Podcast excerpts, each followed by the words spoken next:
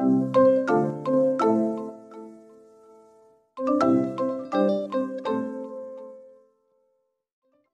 semuanya, balik lagi bersama gua di sini Aryo dan di Jurnal. Kali ini gua kedatangan tamu dari sambungan telepon WhatsApp. Ada seorang wanita cantik yang jago bahasa in- asing dan juga eh, seorang guru TK dan juga ya jago masak juga tentunya karena dia pernah ikut salah satu kejuaraan masak terbesar di Indonesia gitu. Inilah dia Rebecca. Halo Halo Kak. semuanya, hai. Halo Kak.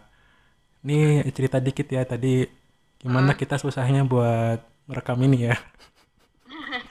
Iya susah banget karena nggak ngerti kan gimana caranya masuk web-web gitu. Pada Iya. gabut semua lagi orang-orang rumah. Aduh, Jadi ini kalau misalnya hasilnya kurang memuaskan ya maklumin aja ya. Karena ini iya, iya udah mohon maaf ya. ini apa? Udah yang cara ter- paling terbaik lah yang bisa dilakuin gitu. Oke, Kak. Iya, Kak kan kemarin habis dari MasterChef nih, Kak. iya. Eh, itu dapat pengalaman apa aja tuh kak selama di MasterChef yang mungkin sebelumnya belum pernah kakak dapetin gitu. Hmm, yang pasti kalau di MasterChef banyak ya karena eh, apa ya ya dari teknik masak lah pasti nambah terus kayak ilmunya juga cara mikirnya kita buat masak dalam waktu yang sesingkat itu. Maksudnya kan kalau buat kita masak satu jam itu singkat banget gitu. Jadi banyak sih kalau mikir strategi aja gitu di dalam situ kayak gimana gitu Nih satu hal yang gue bingung nih, kan gue juga nonton ya. Mm-mm. Itu dapat idenya tuh bisa cepat gitu tuh gimana tuh kak? Kan satu jam masak waktu terus kalau gue kalau gue di sana gitu ya, gue pasti mikir dulu ya ini di- ini, dia- ini diapain harus diapain gitu. Itu caranya gimana tuh biar kakak bisa langsung eksekusi gitu loh. Hmm.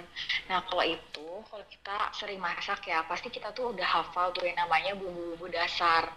Nah, jadi setiap makanan itu pasti ada basic sauce-nya, bumbu dasarnya apa, kayak Indonesia. Kayak kita tahu Indonesia kan ada bumbu dasar kuning, putih, apa merah. Mm-mm. Terus kalau eh, kayak western gitu, ada basic sauce kayak nama kita ngomongnya mother sauce. Jadi kita harus tahu itu dulu basicnya dulu. Nah dari basic itu ntar kita bisa ngembangin. Jadi kalau misalkan nih bumbu merah, bumbu merah kan bisa dijadiin apa aja kan? Bisa dijadiin balado, bisa jadi rica-rica.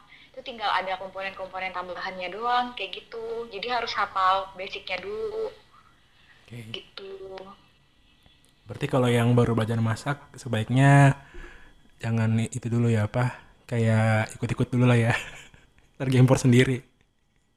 Ya sebenarnya sih kalau mau nyoba sih oke-oke aja. Cuman sayang gitu kalau misalkan nggak melangkah jauh ya nggak sih? Iya bener sih. Oh iya, Gitu.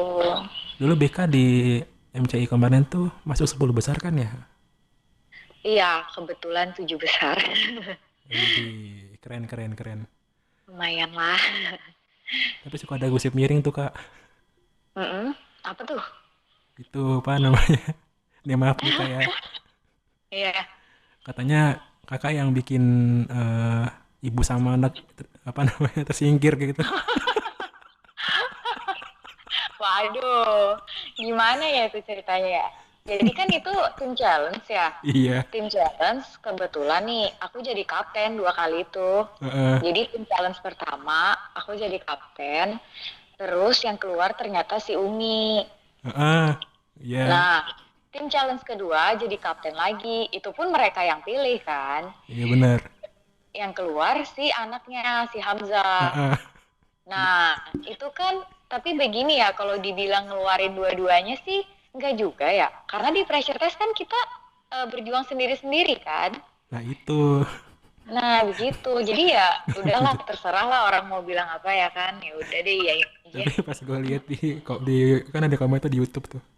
Mm-mm. Apa iya ya?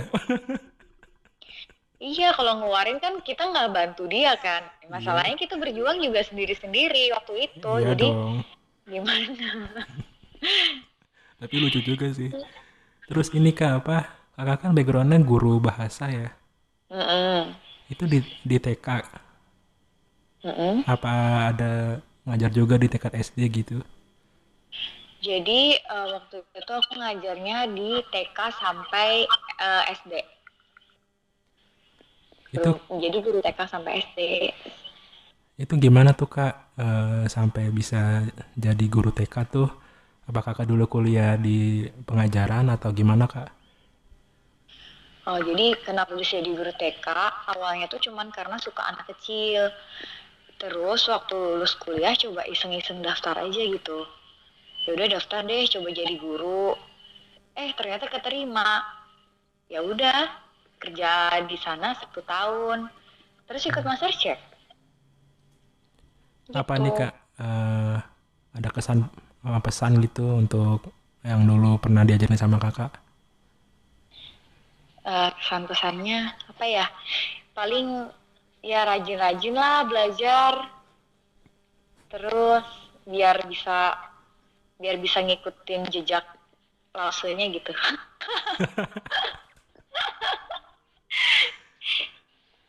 Berarti kakak di sana cuma ngajar bahasa Mandarin aja kak? Apa ada yang lain-lain juga?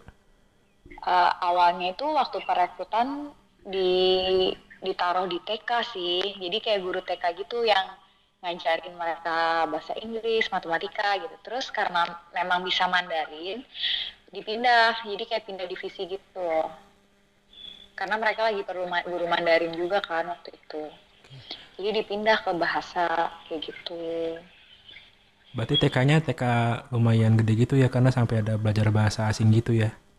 Jarang loh. Hmm, sekarang sih rata-rata pada belajar ba- dua bahasa semua ya, bahasa Inggris sama bahasa Mandarin. Oh, Rata-rata sih begitu. waduh. Kelihatannya gue tuanya ya. Oke kan bahasa Mandarin itu kan eh, terkenal sebagai bahasa paling susah ya kalau kata orang-orang mah. Iya, susah banget. Itu gimana tuh proses eh, KBK buat eh, pelajarin gitu tuh?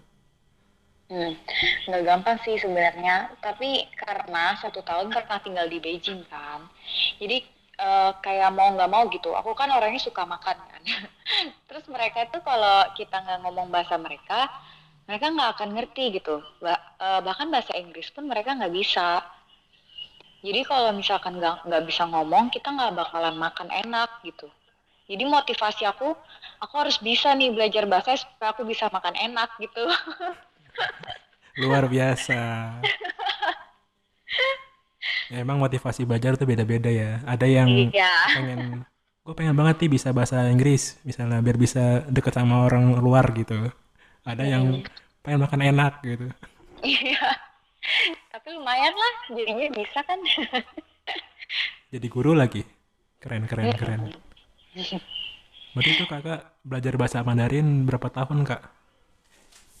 Waktu itu satu tahun. Setahun udah bisa. Iya, karena itu tadi, karena Gila. kita di lingkungan lingkungan yang orang orang sana semua kan, orang Beijing semua dan kita mau nggak mau harus bisa gitu. Kalau enggak ya itu susah. Ya bisa dibilang ini nggak sih kak? Ilmu kepepet gitu. Iya, karena kepepet jadi mau nggak mau harus bisa gitu. Iya, kalau nggak gitu ya nggak bisa hidup. Betul. Itu berarti kakak hafal semua apa sih namanya kalau di Mandarin? Kalau Jepang kan ada kanji gitu. Oh, itu ya Hanse. Kalau kita Ah. bilangnya Hanse. Hanse. Enggak apa? semua sih ya, karena kalau Hanse itu banyak banget. Jadi kalau sama kayak TOEFL gitu, ada tingkatannya. Kalau Hmm. di Mandarin itu HSK. Nah, Oke. itu ada tuh persyaratannya. Misalkan HSK 4 itu 1000 1000 Hanse kalau nggak salah, 1000 aksara. Terus kalau HSK 5, HSK 6 tuh kayak beda lagi gitu. Wow. Banyak banget tulisan Seribu, Mandarin tuh banyak banget. Iya, 1000. Gue belajar tensi cuma 16 aja repot kak. Iya pusing banget sih kalau emang nggak niat nggak bakalan itu nggak bakalan bisa harus niat banget.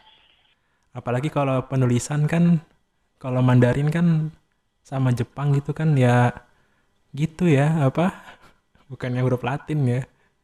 Iya, Itu harus susah huruf. banget. Itu kakak ngapalin di luar kepala dong berarti. Iya, Bentuk-bentuknya harus ininya. hafal.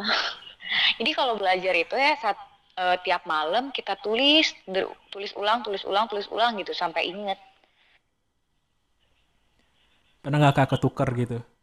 Lagi ujian gitu, ketukar gitu. Misalnya. Pernah banget, Hmm. pernah. Karena ada yang mirip-mirip. Ada nggak sih huruf di Mandarin gitu yang dia eh, bentuknya sama tapi beda di titik atau apa gitu, jadi beda beda bunyi gitu, beda arti gitu. Ada, ada. Pokoknya kayak dia tuh hampir sama ya. Kalau nggak salah tuh sama Mai itu hampir sama. Cuman bedanya ada atasnya doang. Jadi itu sering salah baca dulu waktu pertama-pertama belajar itu salah baca. Kacau sih. Kalau misalnya gua di situ ya, udah gua tidur mendingan tidur tidur. Lebih susah mana nih kak? Di Mm-mm. MasterChef atau belajar bahasa Mandarin? Waduh, sama-sama susah sih ya.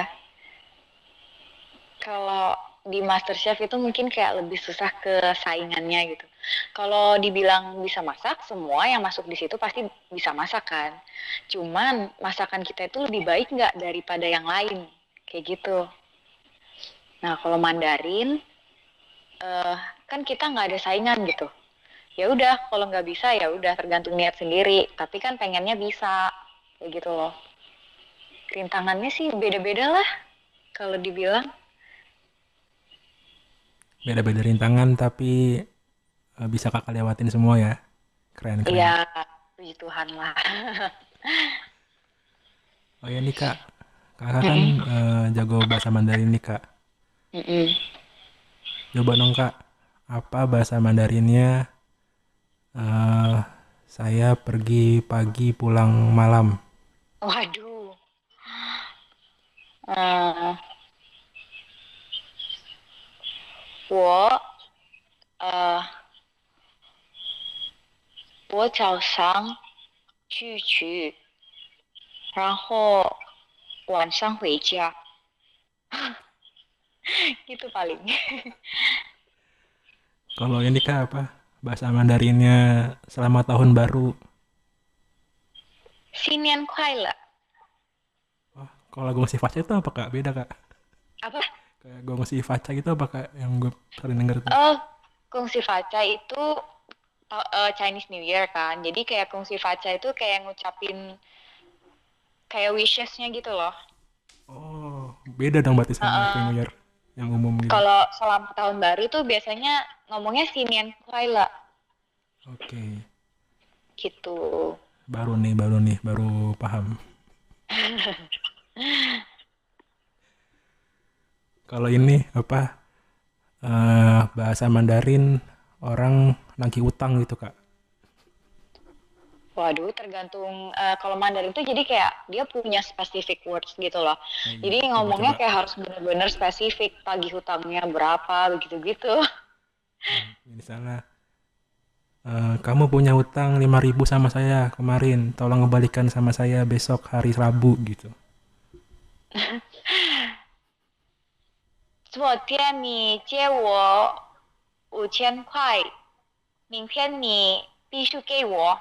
Ya gitu deh, kayak kemarin kamu pinjam aku nih 5000 gitu. Besok kamu harus balikin. Oke, keren-keren. Tapi kayak karena sekarang tuh kayak udah jarang banget pakai kan. Jadi kadang beberapa kata ada yang lupa gitu. Cuman ya masih bisa sih ngomong yang standar-standar kayak tadi masih bisa. Oh ya, selain di bahasa gitu kan kakak juga ada di bagian modeling ya. Itu terjun ke sana tuh, itu sejak kapan dan kenapa masuk ke sana gitu kak? Ah, sebenarnya bukan di modeling yang yang kayak orang-orang gitu ya. Jadi lebih kayak ke cuman model make up gitu loh, muse make up. Jadi dulu sebelum MasterChef, jadi misalnya ada kayak makeup artist gitu pengen pakai buat portofolionya dia. Itu di make upin. Jadi bukan yang model yang itu yang Yang gimana sih yang yang catwalk.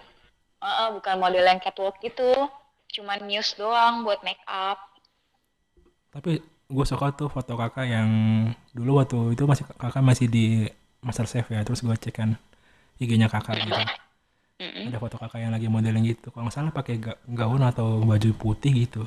Cakep banget loh kak. Iya makasih loh. Berarti kakak nih profesinya itu sebenarnya lebih ke guru TK-nya gitu ya? Iya. Terakhir sebelum master chef itu guru TK kenapa keluar kak? Sayang banget kak. Dari guru TK enak tahu kak. Hmm, jadi sebenarnya itu eh, karena suka sama anak kecil, jadi pengen coba jadi guru TK gitu. Ternyata pas mengalamin itu ngajar itu nggak seenak kita main sama mereka gitu. Karena kalau ngajar ada tanggung jawab, mereka harus bisa. Jadi bukan cuma sekedar main doang. Sedangkan anak kecil itu paling suka main, dia nggak terlalu benar suka benar belajar. Nah, jadi tantangannya di situ. Nah, setelah nyoba kan satu tahun, emang dari dulu kan passionnya masak. Eh, pengen balik lagi nih ke dunia kuliner. Cuman waktu itu ada pandemi kan, Mm-mm. nggak bisa juga balik. Kebetulan ada pendaftaran MasterChef. Ya udah, ikut aja kayak gitu. itu berarti kakak pertama kali yang ikut di tahun ini gitu apa udah pernah daftar sebelumnya MasterChef baru tahun ini ikut. wow Mm-mm. Berarti kakak termasuk beruntung juga ya, karena kan ada yang dari tahun lalu, ada yang dari season 5 gitu, yang baru masuk gitu. Iya, betul. Berarti kakak itu masak di Malang langsung waktu audisi itu gimana sih kak? Jadi audisi yang pada saat pandemi ini agak beda. Jadi audisinya eh, online. Jadi kita bikin video, video masak sama review makanan gitu. Terus masukin ke Meetup waktu itu. Nah, terus dari Meetup itu baru dipanggil ke off air. Off airnya di Jakarta semua. Karena katanya kan pandemi. Jadi kru-krunya juga nggak bisa datangin ke kotanya kita satu-satu. Jadi off air kita pada ke Jakarta. Dari Jakarta itu kalau lolos baru ke on air yang ada di TV gitu. Oh, berarti kakak dulu waktu off air itu eh, biaya segala macam kakak yang sendiri gitu berarti ya? Iya, biaya sendiri kebetulan. Hmm. Berarti itu eh, off air itu berarti sebelum masuk bootcamp berarti? Apa udah masuk yang di recording TV gitu? Belum, jadi off air itu benar-benar nggak masuk recording TV. Jadi gue- em, dan itu pun juga kan karena benar-benar ngikutin protokol kesehatan, jadi mereka dibagi per kloter. Nah, aku kurang tahu ada berapa kloter, pokoknya katanya tuh banyak banget. Jadi kita anak-anak yang 20 besar di galeri itu pada beda-beda kloter. Ada sih yang sama, paling kayak cuma satu dua orang gitu. Oke. Kita satu kloter. Jadi banyak banget sebenarnya yang daftar dan banyak banget yang eh, belum bisa join di galeri kayak gitu. Kan sebelum galeri kan ada kayak bootcamp gitu kan. Itu berarti itu bukan off-nya gitu ya. Itu juga udah di-sharing dulu berarti ya. Mm-mm. Nah, yang masuk ke bootcamp itu itu udah yang tersaring sama semuanya, sama kru dan juri-juri Oke. gitu. Sekarang gue dapat eh, pemahaman baru nih. Gua kira tuh yang dipilih tuh dari yang online tadi tuh sekitaran yang masuk di TV semua gitu. Terus yang dimasuk TV itu yang udah lolos dari online gitu. Ternyata enggak ya. Enggak, masih ada tahap audisinya lagi yang harus kita lewatin. Panjang banget dong, Kak. Prosesnya. Mm-mm, jadi kalau dibilang gampang nggak sih masuknya nggak juga gitu. Jadi kayak lebih banyak berdoa aja semoga dipilih kayak gitu. Nah, terus nih eh, KBK dulu masak apa aja nih, Kak? Waktu datu di eh, tahap yang online itu sama offline, Kak. Waktu di tahap online karena disuruh signature dish ya. Jadi eh, di rumah itu aku sering banget masak nasi kuning pakai ayam rica. Nah, jadi waktu online itu aku masak itu. Waktu off off air aku masak masakan khas Banjarmasin karena kan aku dari Banjarmasin kan. Jadi Hmm. aku masak patin bakar ala Banjarmasin gitu. Oke. gitu Terus Kak, gimana Kak? hmm, terus pas off air itu kayak ada interview gitu kan nah dari interview itu katanya bakalan disaring ya beberapa seminggu apa dua minggu gitu ditelepon lah sama tim Masterchef kalau misalkan keterima audisi on air gitu Itu Kakak waktu tahap audisi itu kan ada nunggu dua minggu tuh Kak. Kakak balik lagi ke kota Kakak apa menetap di Jakarta Kak? Nah, jadi kebetulan waktu itu kan kerjaan aku semuanya online ya, karena pandemi juga. Heeh. Jadi selama dua minggu aku nunggu pengumuman itu, aku tetap kerja, tetap kerja eh, by online gitu. Nah, Kakak, eh, apakah Kakak itu kan dari luar kota kan? Mm-mm. Selama kan nunggu dua minggu nih, Kakak balik dulu atau di Jakarta Kak? Nah, eh, karena di Jakarta aku ada tempat saudara, jadi aku tinggal di Jakarta dulu waktu itu. Sebenarnya nggak nungguin juga sih, karena waktu interview itu dibilang akan lama, eh, mungkin bakalan satu bulan gitu tuh. Tapi kayak mikir ya udahlah karena pandemi kan bahaya juga kalau misalkan bolak-balik, tunggu dulu aja di Jakarta Iya gitu. sih. Eh ternyata dua minggu kemudian udah dipanggil. Untung Kakak sabar ya gitu nunggu gitu. Coba pulang aja lah gitu. Iya kalau pulang susah banget bakalan balik lagi gitu. Iya, apalagi waktu Kakak itu udah ada nih belum sih Kak kayak PSBB gitu? Sudah sudah ada PSBB. Waduh, itu bolak-balik Susah susah tuh ngurusnya. Susah banget pokoknya perjuangannya dari awal banget sampai ke Masterchef tuh nggak gampang gitu karena dari luar kota kan Heeh. kayak gitu Ada larangan mudik segala kan dulu kan. iya benar susah lah pokoknya karena pandemi kayak gini juga banyak rintangan Terus pas masa karantina itu apa bener-bener di karantina full gitu Kak? Apa boleh keluar gitu? di karantina full jadi benar-benar kita nggak boleh ke mana-mana bahkan ketemu orang juga dibatesin jadi misalkan ada kayak keluarga nih mau berkunjung ke karantinanya kita itu nggak boleh nggak boleh lama gitu. Cuman satu jam dua jam. Terus kayak nggak boleh banyak-banyak gitu. Paling cuman satu dua orang. Kayak gitu. Apa nggak stres tuh Kak? Di awal kompetisi terus di karantina gitu Kak? Sebenarnya tuh eh, awal-awal ya karena kita masih belum ada teman, maksudnya masih belum deket juga sama kontestan lain, agak stres juga gitu di awal.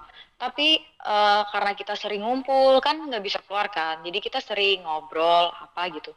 Akhirnya kayak kita deket gitu di karantina jadi kayak deket, jadi ada teman, jadi nggak terlalu stres banget. Lama-lama udah enjoy aja gitu di karantina. Oke. Keren keren keren.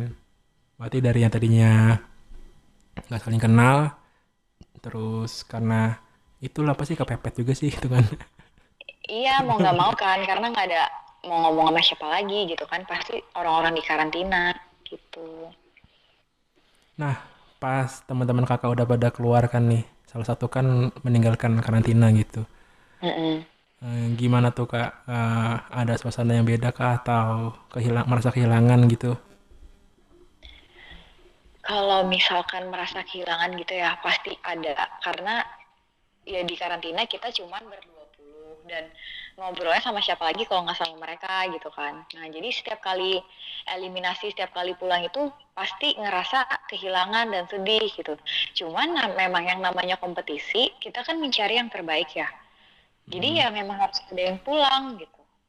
Jadi lama-lama sih waktu udah di 10 besar ke atas itu udah nggak nangis-nangisan lagi gitu. Udah kayak biasa aja Dan gitu. oh ya nih, kan kemarin juaranya itu sej- sejarah baru ya menurut menurut eh, gua gitu ya. Iya benar. karena dari black team bisa jadi juara gitu.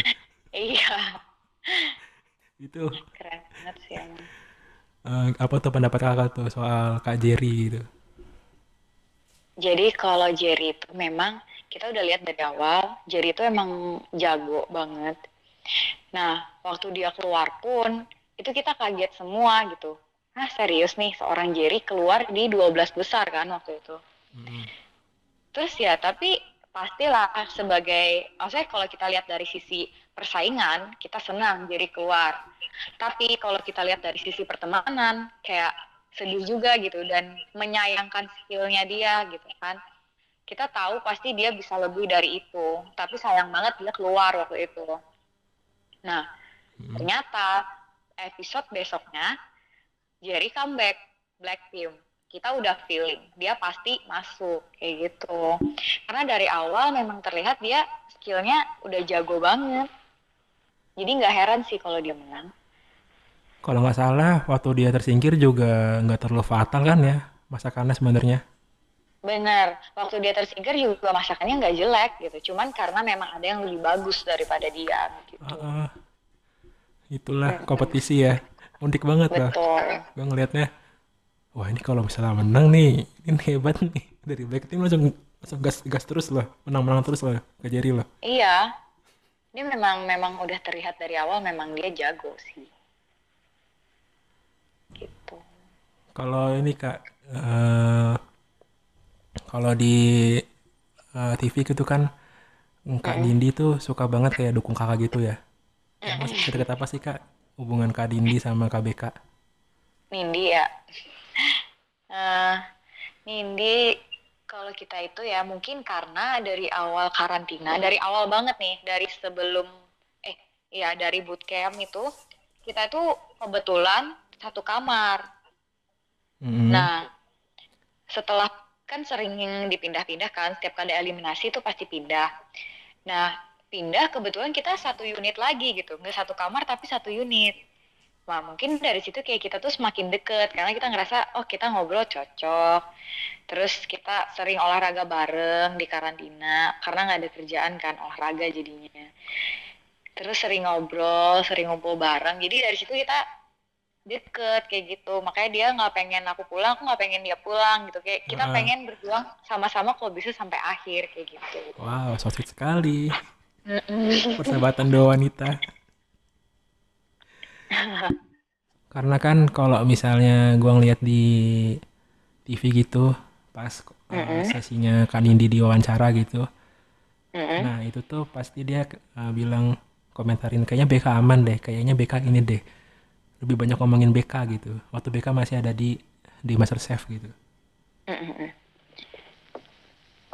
Ya, kalau Nindi sih dia memang sesuportif itu ya. Dia sampai bahkan yang waktu terakhir aku keluar di tujuh pun, dia bilang, enggak deh, harusnya BK belum keluar, harusnya uh, yang satunya gitu kan.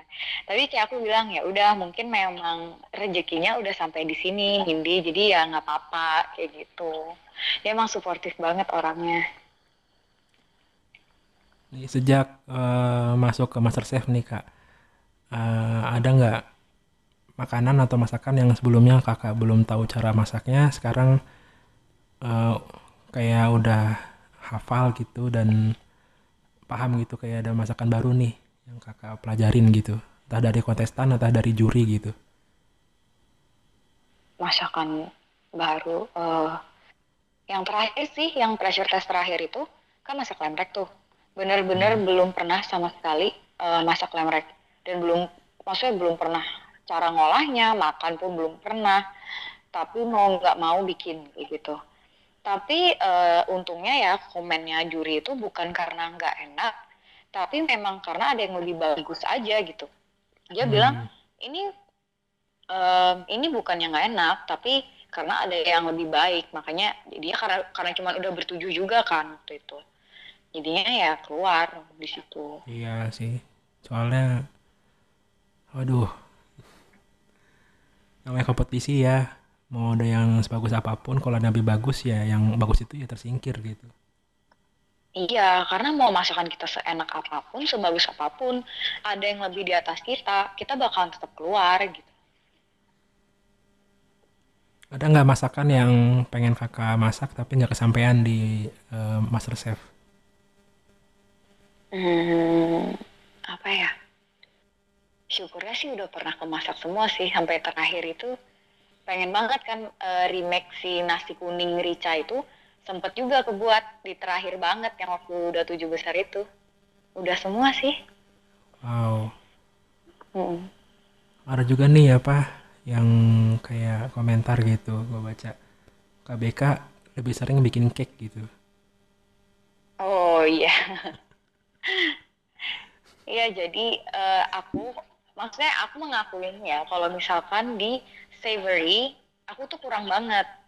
Jadi kalau anak-anak yang lain, peserta yang lain itu pasti mereka taste-nya strong, bumbunya strong. Sedangkan aku tuh kurang di situ. Mhm. Jadi kalau misalkan memang ada bahan yang bisa aku jadiin dessert atau kue, aku pasti lebih milih bikin dessert kayak gitu. Karena kalau di dessert udah dites berkali-kali, aku bikin dessert, bikin dessert itu selamat gitu.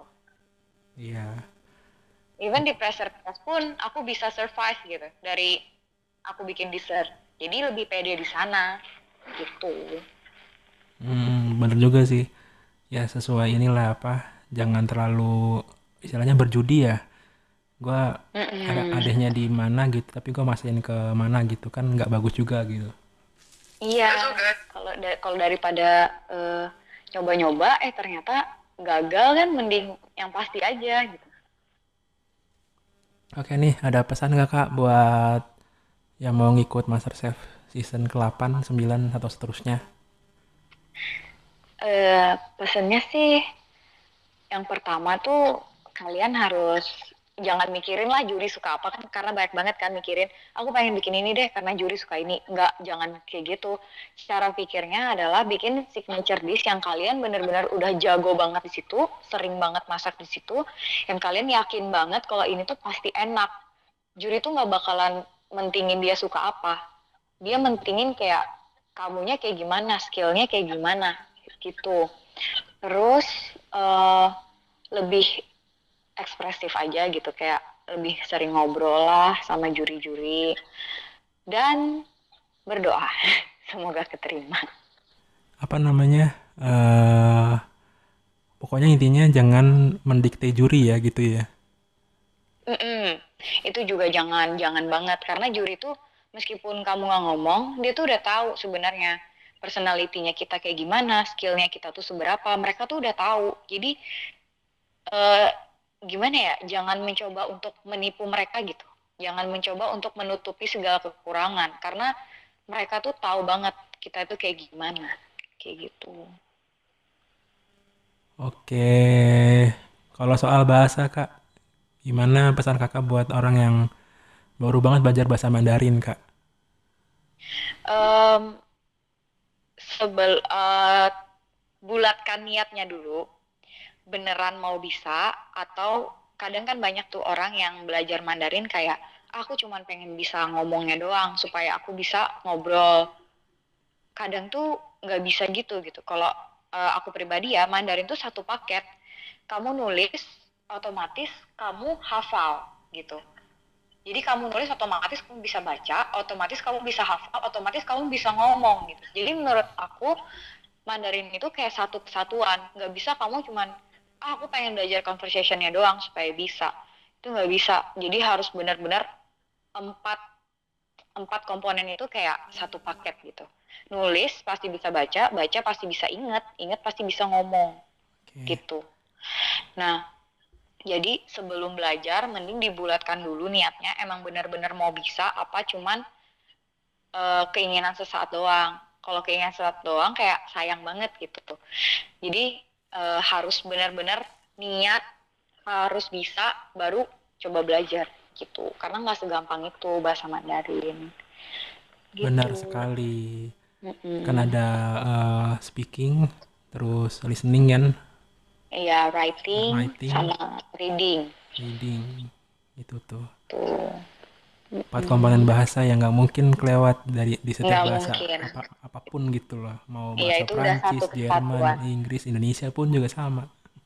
Tuh oke eh, berarti kakak sekarang nih eh, bakalan eh, terima job foto kah atau apakah Oh, sekarang sih aku lagi eh, ngembangin bisnis online aku ya. Jadi aku jualan kue.